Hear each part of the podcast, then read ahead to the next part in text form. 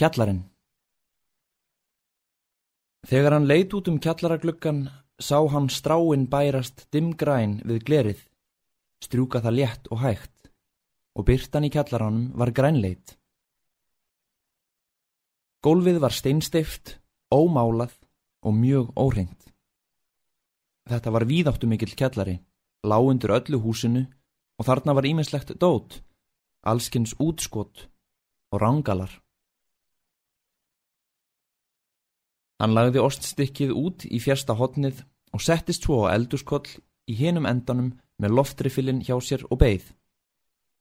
Hann beigði lengi og ekkert gerðist.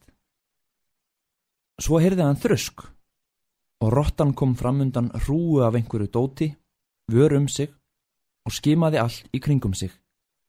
Regði snjáldrið upp í loftið og hnusaði. Svo fikraði hún sig áfram að oststykkinu og byrjaði að narta í það. Hann bar riffilinn ofurhægt að aukslinni og miðaði vandlega meðan hann horfi á rottuna naga ástin.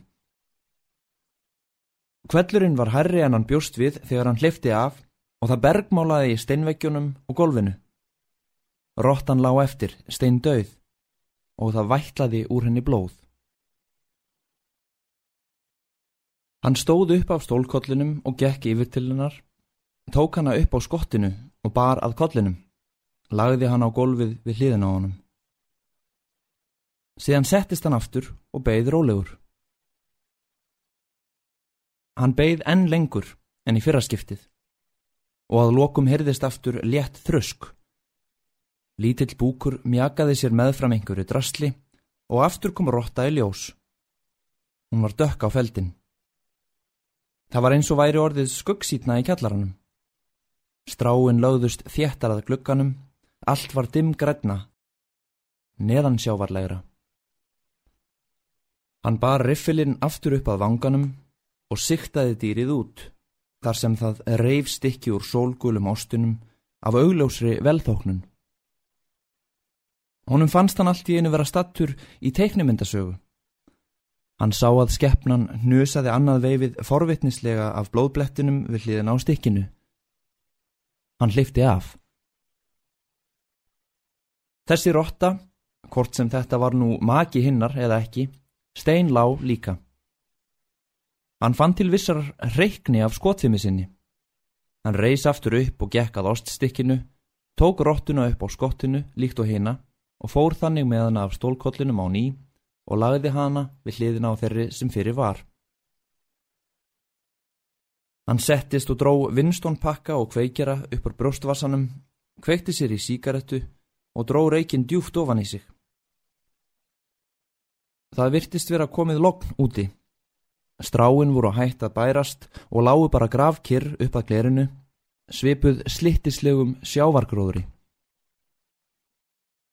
Reykurinn liðaðist um kjallaran grár og limskulegur, líkt og köttur í veiðihug. Hann reykti síkaretur, flegði henni svo á steingólfið og drap hí með fætinum. Loftrifillin hafði staðið upp í vekkin meðan hann reykti. Hann greip til hans og lagði hann þversum yfir nýjan, beigð átekta. Um kvöldið þegar hann var búin að borða, heldi hann upp á kaffi og kveikti sér í enn einni síkarettunni og hugsaði um árangursríka veiðina í kjallaranum undir húsinu.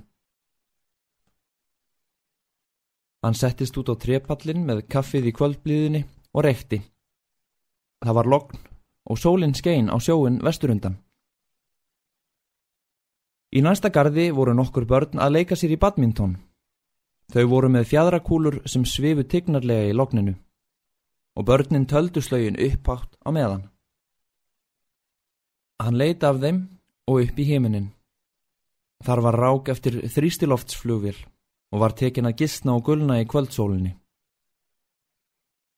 Hann drabi í rettunni í steinöskubakkanum sem hann hafði á pallinum, sötraði síðustu dregjarnar úr kaffibotlanum og stóð á fætur. Krakkarnir voru enn að telja upphátt og hvítar kúlurnar flugu á mellið þeirra. Hann læsti glerhörðinni tryggilega þegar hann fór inn. Sjónvarpið var á, verið að sína breskan heimildaþátt um hlínun jarðar. Hann nam andartak staðar við skjáin og horfi á einhverja tundru í Sýberíu.